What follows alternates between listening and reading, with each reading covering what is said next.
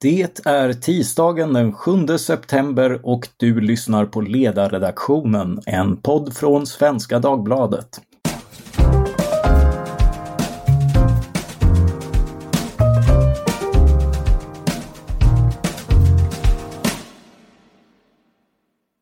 Jag heter Mattias Svensson och dagens ämne är livet utanför storstäderna. Detta på en bok som ges ut i veckan Tåget stannar inte här längre. En berättelse om Sverige utanför storstäderna. Och jag har äran att än en gång till denna podd välkomna bokens författare Edvard Hollertz, utbildad agronom och till vardags politisk redaktör på ATL, Lantbrukets affärstidning. Välkommen Edvard! Tack så hemskt mycket! Alltid ett nöje! Ja, det är ju det att ha dig med. Vi har ju varit inne på de här ämnena förut. Eh, men nu är du aktuell med en hel bok och parallellt med att jag läste den boken så lyssnade jag på Kalle Linds podd och Sveriges radioprogram Snedtänkt med ett avsnitt om subkulturen Östergötland och i ett mycket underhållande och namndroppande avsnitt så kunde jag inte undgå att notera att den östgötska ort där din berättelse tar sin utgångspunkt, Gusum, med risk för att jag uttalar det helt fel, den nämndes aldrig. Är, är det typiskt och är det ett sånt förbis, förbiseende som är en anledning till att du skrivit boken? Eh, ja, det kan det på sätt och vis sägas vara och du uttalar Gusum alldeles rätt. Det var skönt att höra. Ja. Jag som är född i början av 1990 90-talet och uppväxt någon mil från Gusum har växt upp med ortens förändring eller eh, vi kan säga förfall. Den har mm. gått från att ha varit en betydelsefull ort till en på efterkälken. En plats som många unga nog vill flytta ifrån. Och den här utvecklingen tänker jag säger nog lika mycket om Gusum som om Sverige utanför storstäderna generellt. Gusum är en, en klassisk bruksort i östra Östergötland. Det är ett samhälle som är uppbyggt runt bruket. Eh, det påminner på det sättet om ett förkrossande stort antal andra tätorter i Sverige som är byggda runt ett bruk eller en industri. Den röda tråden i Gusums historia är bruket.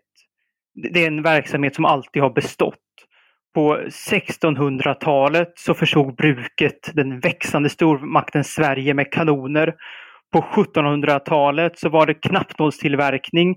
Eh, på 1800-talet så gjorde man prisade mässingsföremål som syntes på designmässor från Stockholm till San Francisco. Och sen under 1900-talet så kom nog varenda blixtlås i Sverige från Gusum. I alla fall så sa man det i Gusum. Mm. Så att produktionen har alltså skiftat genom seklen men, men bruket har bestått, det är konstanten. Eh, och Gusum som ort har då också växt fram tills för 40 år sedan. Då gick stora delar av bruket i konkurs, delvis på grund av hårdare global konkurrens, precis som på många andra håll. Därefter följde i Gusum årtionden av butiksnedläggningar, avfolkning och flyktingförläggningar. Under alla dessa tunga år har i, i mitten av det här i grunden vackra samhället brukets enorma tegellängor legat som, som monument över samhällsutvecklingen. På industribyggnaderna har förfallet tilltagit för varje år. Det började med sönderslagna fönster, sedan brann någon del, sedan rasade ett tak in och först för ett par år sedan så rev man allt det här i ett stort statligt och kommunalt saneringsprojekt. Och det intressanta med exemplet Gusum är att samma år som rivningarna av bruket avslutades så valdes Donald Trump till amerikansk president. Ett val av president som sände chockvågor genom världen. Eh, man började fråga sig hur tusan det hade gått till. Och den förklaring som ganska snabbt sa, sades förklara allt eh, var att han fått landsbygder, småstäder och bruksorter med sig det vill säga USAs motsvarigheter till Gusum. Den här förklaringen att landsbygder och industriorter drogs till populister för att ingen annan såg deras problem användes också för att beskriva varför Storbritannien röstat för att lämna EU och eh, Marine Le Pen skördat framgångar i, i franska val. Och i och med det här blev plötsligt platser som Gusum politiskt viktiga igen, även i Sverige. Mm. Och i den här yrvakna stämningen efter valet av Trump till president hoppade alla svenska partier på den här problembeskrivningen om att landet delas mellan stad och land och att det finns en stor politisk sprängkraft i det här.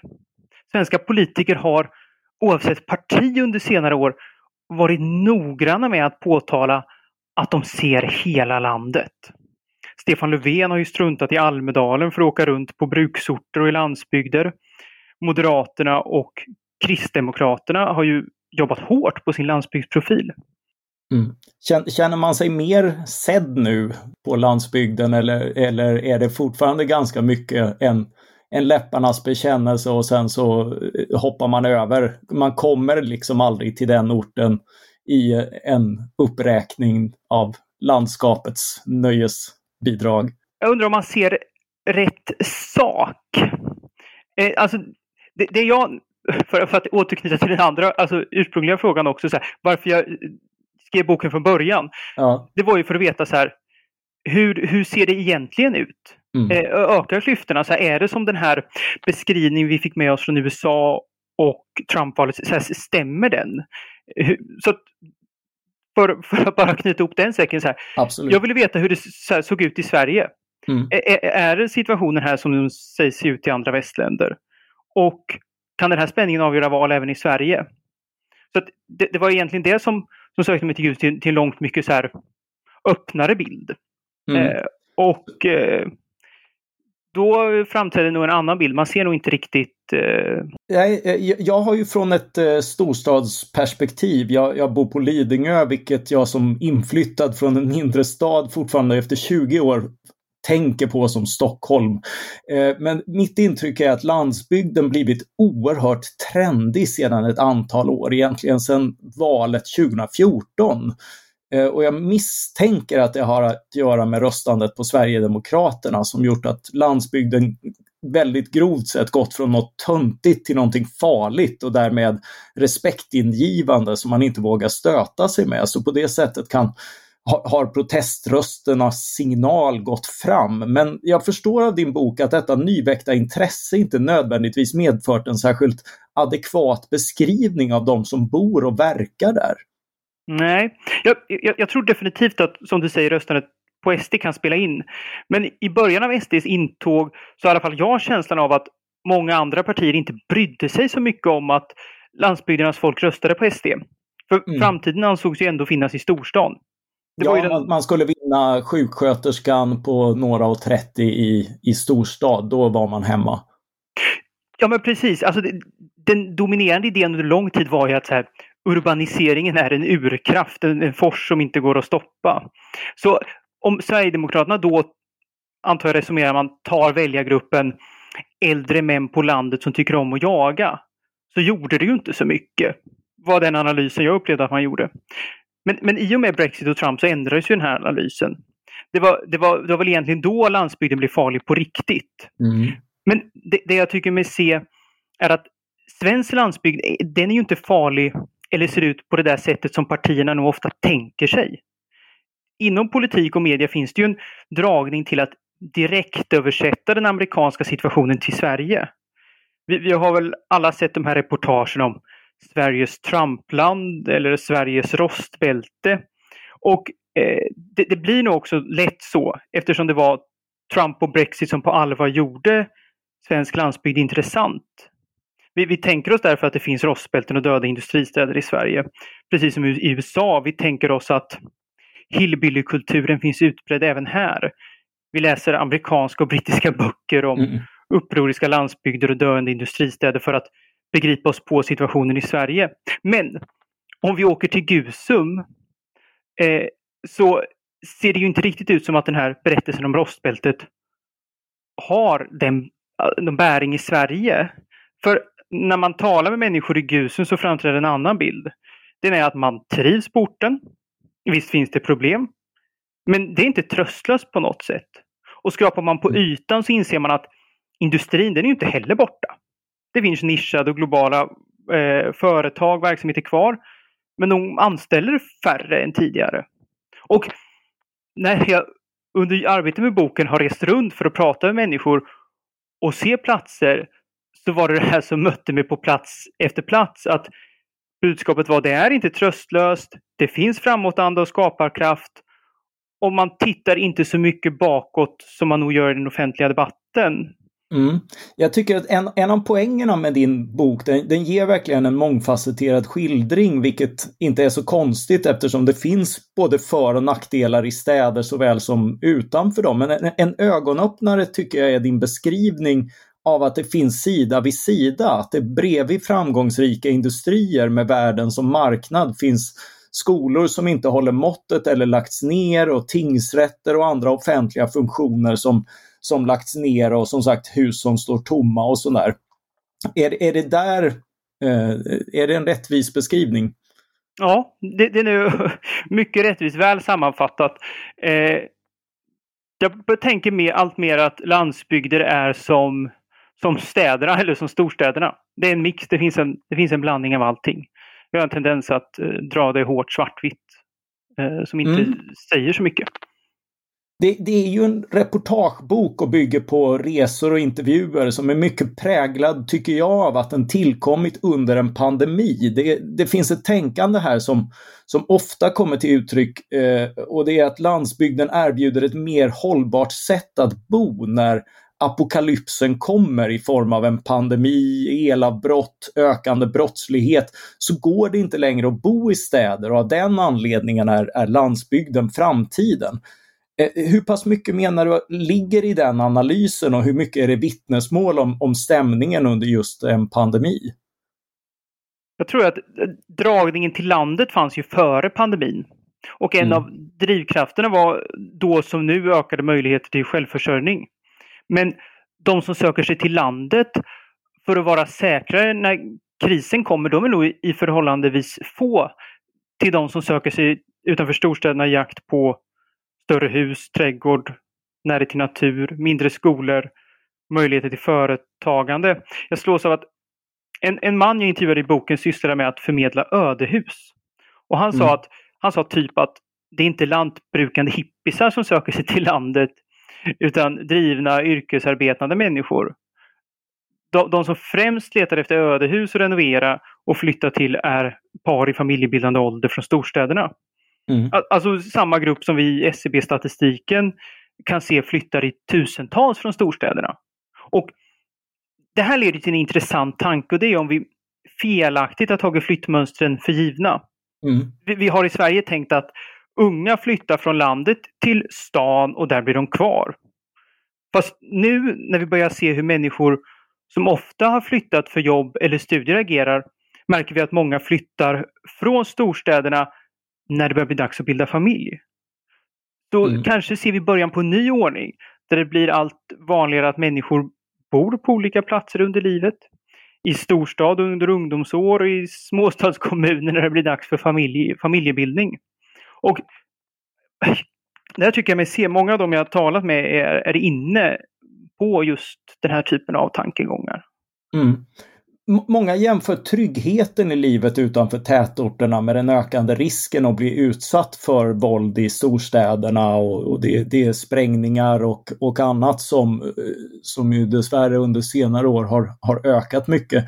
Eh, din bok ger en beskrivning av en brottslighet och brist på polisingripanden som också drabbar glesbygden, eller särskilt glesbygden. Eh, det är någon som vittnar att alla jag känner har larm och medan en stadsbo kan bli överfallen och rånad på sin plånbok eller få sitt hem vittjat på smycken och andra värdesaker så kan ett inbrott på en modern gård innebära enorma risker för affärsverksamheten och förluster av bränsle och kapitaltillgångar. En en modern traktor är en miljoninvestering. Hur, hur ser hoten från kriminaliteten ut utanför tätorterna?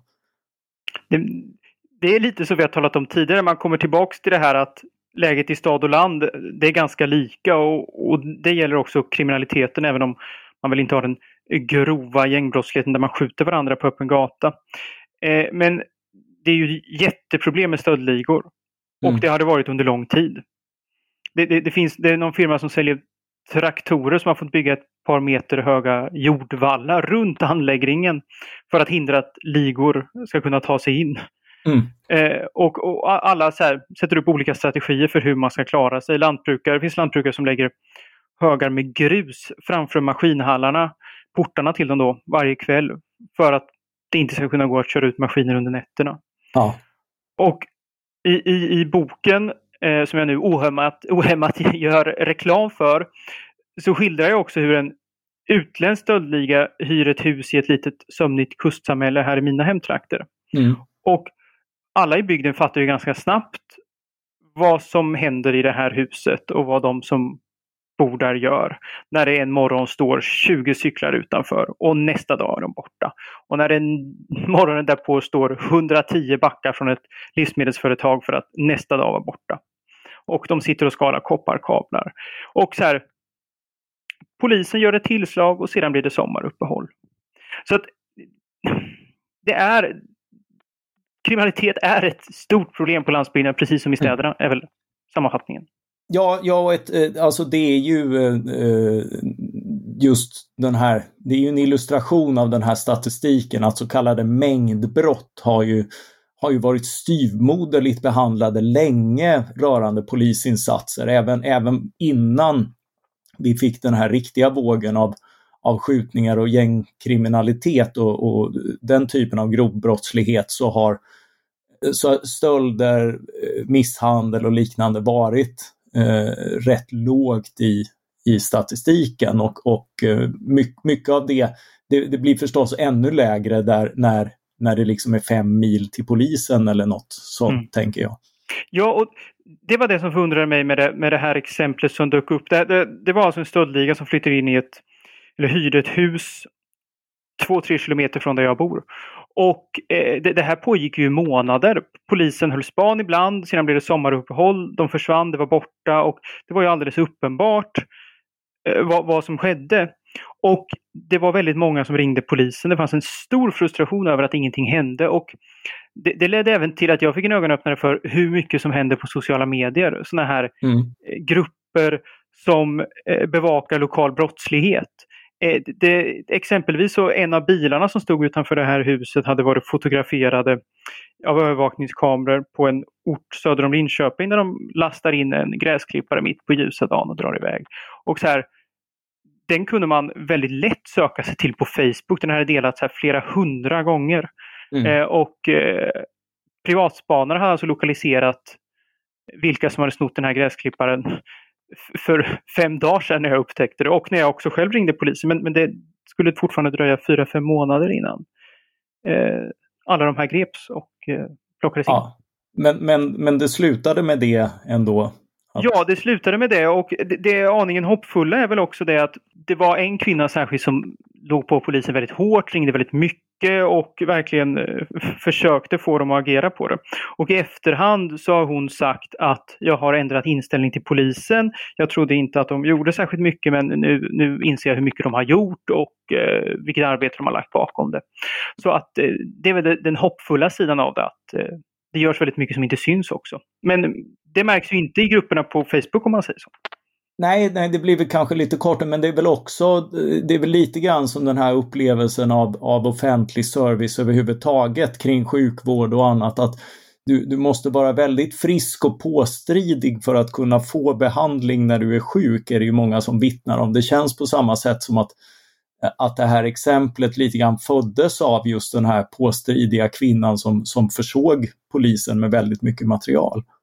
Ja, och, och det, det, har hon ju själv berättat också när jag talat med henne att så här, det var, tror jag, tre poliser som i efterhand har kommit till henne och sagt att hade det inte varit för dig, då hade det aldrig hänt någonting i det här fallet. Och det det här exemplet också visar är hur, hur, mycket, hur beroende en bygd kan vara av dels, eller landsbygd kan vara, dels vilken så här, i det som odlas där, alltså vilken stämning som finns där om folk engagerar sig i bygden. Om man tycker det är viktigt att det här inte ska få för sig gå. Om, om man eh, värnar om orten, då eh, kan... Alltså det avgör väldigt mycket hur det går för en plats, hur människorna där verkar och vad de gör. Mm. Du, du gör poängen just att landsbygden knappast är unison och att det, att det finns flera olika landsbygder eh, präglade av olika slags problem. Eh, men, men också liksom av, av eh, möjligheter att lösa problem. Eh, och, och eh, du har tagit upp liksom det här med, med, med stora om, områden med, med, stora bruk och där det försvinner. En annan motsättning du tar upp är den mellan stora skogsägare och boende i områden som domineras av, av eh, dessa skogsägare. Att det också skapar en typ av problematik. Kan du, kan du gå in på det lite grann? Ja, absolut. Det är, om, om, om vi, vi talar om att politiken i Sverige har influerats av de amerikanska förklaringsmodellerna ja. om delat land så är det här någonting som inte får plats där. För här har vi ett genomsvenskt problem som vi kanske inte hittar någon annanstans. Och det som sker är att skogsbolag runt om i landet köper upp privatägda gårdar. Det innebär att möjligheterna till lantbruk försämras eller minskar för att åkrar planteras då igen med skog och bostadshus styckas av som fritidshus. Det innebär att möjligheten till att leva på jordbruk eh, på, på de här orterna kraftigt minskar. Och eftersom jordbruken sysselsätter väldigt många människor vid sidan om, skapar kringverksamheter, så eh, försvinner mycket service också då på det här sättet. Och det som är det märkliga är att lagstiftaren såg för väldigt, väldigt länge sedan att det här är ett problem. Att vi har stora eh, skogsbolag eller stora aktiebolag som är gynnade skattemässigt och som långsiktigt har mycket pengar i kassorna som vill bygga stora skogsinnehav som är väldigt goda kapitalinvesteringar. Att lagstiftaren såg då att det blir en ojämn balans här. Så att vi har spärrar i lagstiftningen för att det här inte ska kunna ske. Ett aktiebolag får inte köpa mark från en privatperson om inte en annan motsvarande mark avyttras någon annanstans av det här bolaget. Och skälet är då att bolagen inte ska kunna ta över landsbygderna. Och så ska man värna fastighetsmarknaden för, för fysiska personer. Eh, så att de procentuella andelarna mark i landet som ägs av bolag, privatpersoner och staten ska, ska förbli de samma. Balansen ska inte ändras. Och utan som sagt den här lagstiftningen så finns det en betydande risk att internationella aktörer också dammsuger svenska landsbygder på skogsfastigheter eftersom det är en sån stabil investering. Men för att komma till problemet. Ja. Den här lagstiftningen gäller då inte på sockennivå. Så att i takt med att allt fler bolag och institutionella ägare ska vi också säga. Det mm. kan vara Svenska kyrkan, Riddarhuset, eh, Uppsala akademiförvaltning eller vad det än må vara. Eh, Sveaskog också då stora. I takt med att de sätter av marker för miljö och klimatarbete så får de ju köpa annan mark på andra ställen. Och då söker man sig, särskilt vad det verkar, till en del bygder i södra Sverige eh, som är glesbygd, ligger ganska utanför pendlingszonerna men med goda skogsmarker, hyfsat nära till skogsindustri och med acceptans för skogsbruk. Eh, och så slåss alla om att köpa marken här. Priserna drar iväg som gör att privata aktörer verksamma på orten inte kan köpa. Och då omvandlas de här bygderna som har varit dominerade brukade gårdar fram till idag till skogsmarker. Andra områden präglas, som, som du beskriver, av självrådighet och samarbete och de har ofta historiskt varken präglats av ett stort bruk eller en stor skogsägare. Att eh, här puttrar det mesta på. Men för de områden som saknar samma historia, hur, hur kan man hjälpa en sån kultur av självrådighet och utveckling på, på traven? Oj, jag önskar att jag kunde svara bra på det. Jag, jag är inte någon så fan av social ingenjörskonst. Så att... Nej, nej ja. det, det, det, har, det har vi ju gemensamt men, men eh, det är ju alltid det när man ser någonting som är bra och livskraftigt så undrar man eh, alltid lite grann hur, ja, men hur kan vi få mer av det här och, och, och om det finns någon? Ja, jag, jag tror att här, dels, dels så krävs det nog tid. Vi har för att någonstans det ska ändras. Jag funderar på hur man ska kunna illustrera de här skillnaderna men något jag kommer att tänka på är att i, i en kommun här i närheten av mig så började kommunen för ett tag sedan kolla över vilka fastigheter de kunde göra sig av med. Eh, som var överskott på och då såg man att kommunen ägde hembygdsgårdar på ett antal orter i kommunen. Inte på alla.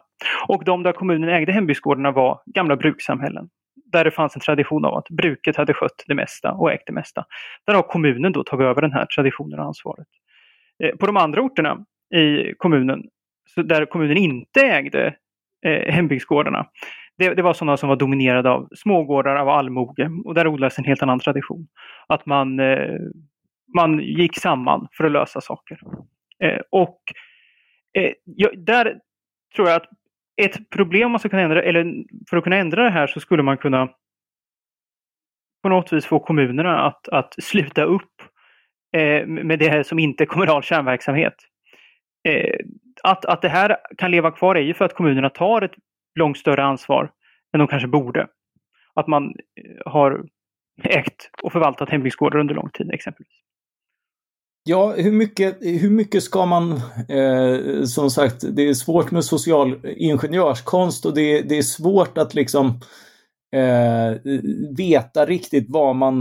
Eh, var eller om man ska gripa in. En, en sån här fundering apropå, apropå skog och så är inte det rimliga att bara eh, att, att låta marknaden avgöra vad som är, vad som är bäst, mest värdefullt att, att ägna sig åt och Eh, och, och låta det utforma hur, hur landsbygden blir. Mm. Alltså, problematiken är också det att det blir en, det blir en skevhet för att marknaden är inte, alla har inte samma förutsättningar på den. Eh, exempelvis eh, stiftelser och stora bolag har ju byggt upp kapital och muskler och har det skattemässigt mer fördelaktigt än vad privatpersoner har. Om man läser skogsutredningen på 1200 sidor så beskrivs det här på eh, någon sida om hur, jag tror 20 mer ett aktiebolag kan betala för eh, samma mark som, som en privat lantbrukare som köper den själv då. Ah, utifrån, utifrån samma resurser men med... Ja, ja. Och, och, och, sen så ska man väl också lägga på rastret att alla är på en, på en global marknad där man, där man jagar eh, investeringar och placeringar som är hållbara och långsiktiga under lång tid. Och eh, då, då måste vi också kanske börja med att fråga oss om vi tycker det är lämpligt att ett kinesiskt eh, bolag köper skog i Sverige. Och dessutom så är det ju så att när, när man har ett, ett ägande som finns på platsen så mm. tror jag att det händer någonting. När man, när man är verksam lokalt, när man, när man bor och verkar på en plats så bryr man sig om den på ett annat sätt. Och, och då sköter man och förvaltar det också på ett annat sätt. Och dessutom så kan nog idéer börja växa upp och eh, gro. Äger man 400 000 hektar så är det inte så troligt att man har en jättestark idé för de 100 hektaren och den lilla gård man äger i utanför Karlskrona exempelvis. Ja, nej, det, det är ju ehm, eh, det är goda exempel på att, att, att storskalighet inte, inte alltid är, eh, är bättre och att föredra. Eh, jag tänker, finns det någon uppenbar och pockande politisk reform som skulle förbättra möjligheterna för, för alla som så önskar att leva och verka utanför storstäderna? Om, om, vi, vi, tar med, om vi tittar på kommuner och på den offentliga sidan, om vi tar med oss att kommunerna borde så här, sluta ägna sig åt sånt man inte borde göra så tror jag också mm. man också borde se över fler regionala och lokala skattebaser. Exempelvis att regionalisera eller kommunalisera fastighetsskatten för industrifastigheter eller elproduktionsenheter. För att med insikten att det finns framgångsrik verksamhet på alla orter men att offentliga kan krisa där också. Så borde mm. det komma en, en, insikt om att det, det finns en skevhet, det, det, är ett fördelningspolitiskt misslyckande här. En platsbunden verksamhet som finns över hela landet är jordbruket. Och det, har ju egentligen en unik möjlighet att vara en motor och vi vet dessutom att svenskt lantbruk lämnar mindre klimat och miljöavtryck än sina konkurrenter. Och att svenskt lantbruk dessutom verkar under hårdare och fördyrande regler eftersom att vi vill ha det så. Vi har bestämt det så i Sverige. Så att då kan jag tycka det vore anständigt om vi inte importerar mat som har producerats under sämre villkor än de svenska. Och det, det, skulle ju inte innebära en bättre konkurrenssituation för svenskt lantbruk utan att de i alla fall inte är missgynnade. Så att det kan jag tycka vore ett, ett moraliskt rätt beslut. Och en i grunden enkel åtgärd som inte behöver belasta statskassan. Sen så inser jag ju att det här går på tvärs med EUs öppna marknad. Men, men, men där har vi ett exempel på en reform som inte handlar om att skicka ut bidragspengar utan balansera upp en skevhet på marknaden. Mm.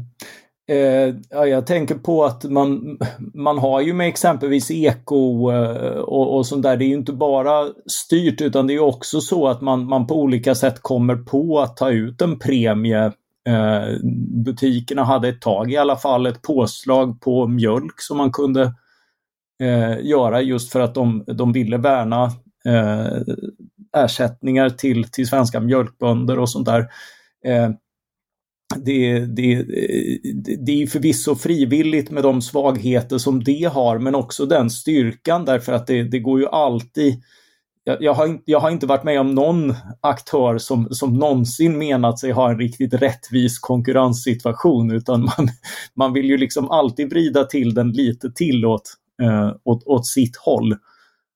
Eh, och, och, den motsättningen beskriver ju också väl när det kommer till olika eh, landsbygdsintressen som sagt med, med, med skog, eh, stort skogsägande mot, mot eh, jordbrukande och eh, hänsyn till Eh, ska man, ska man bevara industrin på orten som är en oerhört viktig arbetsgivare eller, eller, eller ska man acceptera att eh, det här flyttar vidare och, och, och inse att det är bättre om vi gör något annat än att försöka hålla liv i något som inte, som inte är konkurrenskraftigt.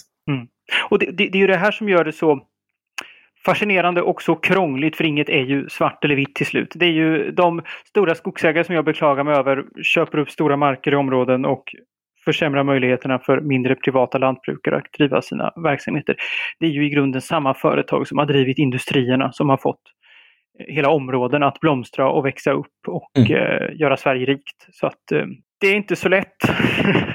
nej, nej, och det är ju, det är ju samtidigt, vi, vi har ett rätt stort stort land och just, just mycket, mycket områden så, så det borde finnas eh, möjligheter kan man tycka för eh, och, och, och, det har vi ju också. Jag menar både skogen och, och liksom de här olika landsbygderna du beskriver är ju, är, är ju liksom väl företrädda allihop.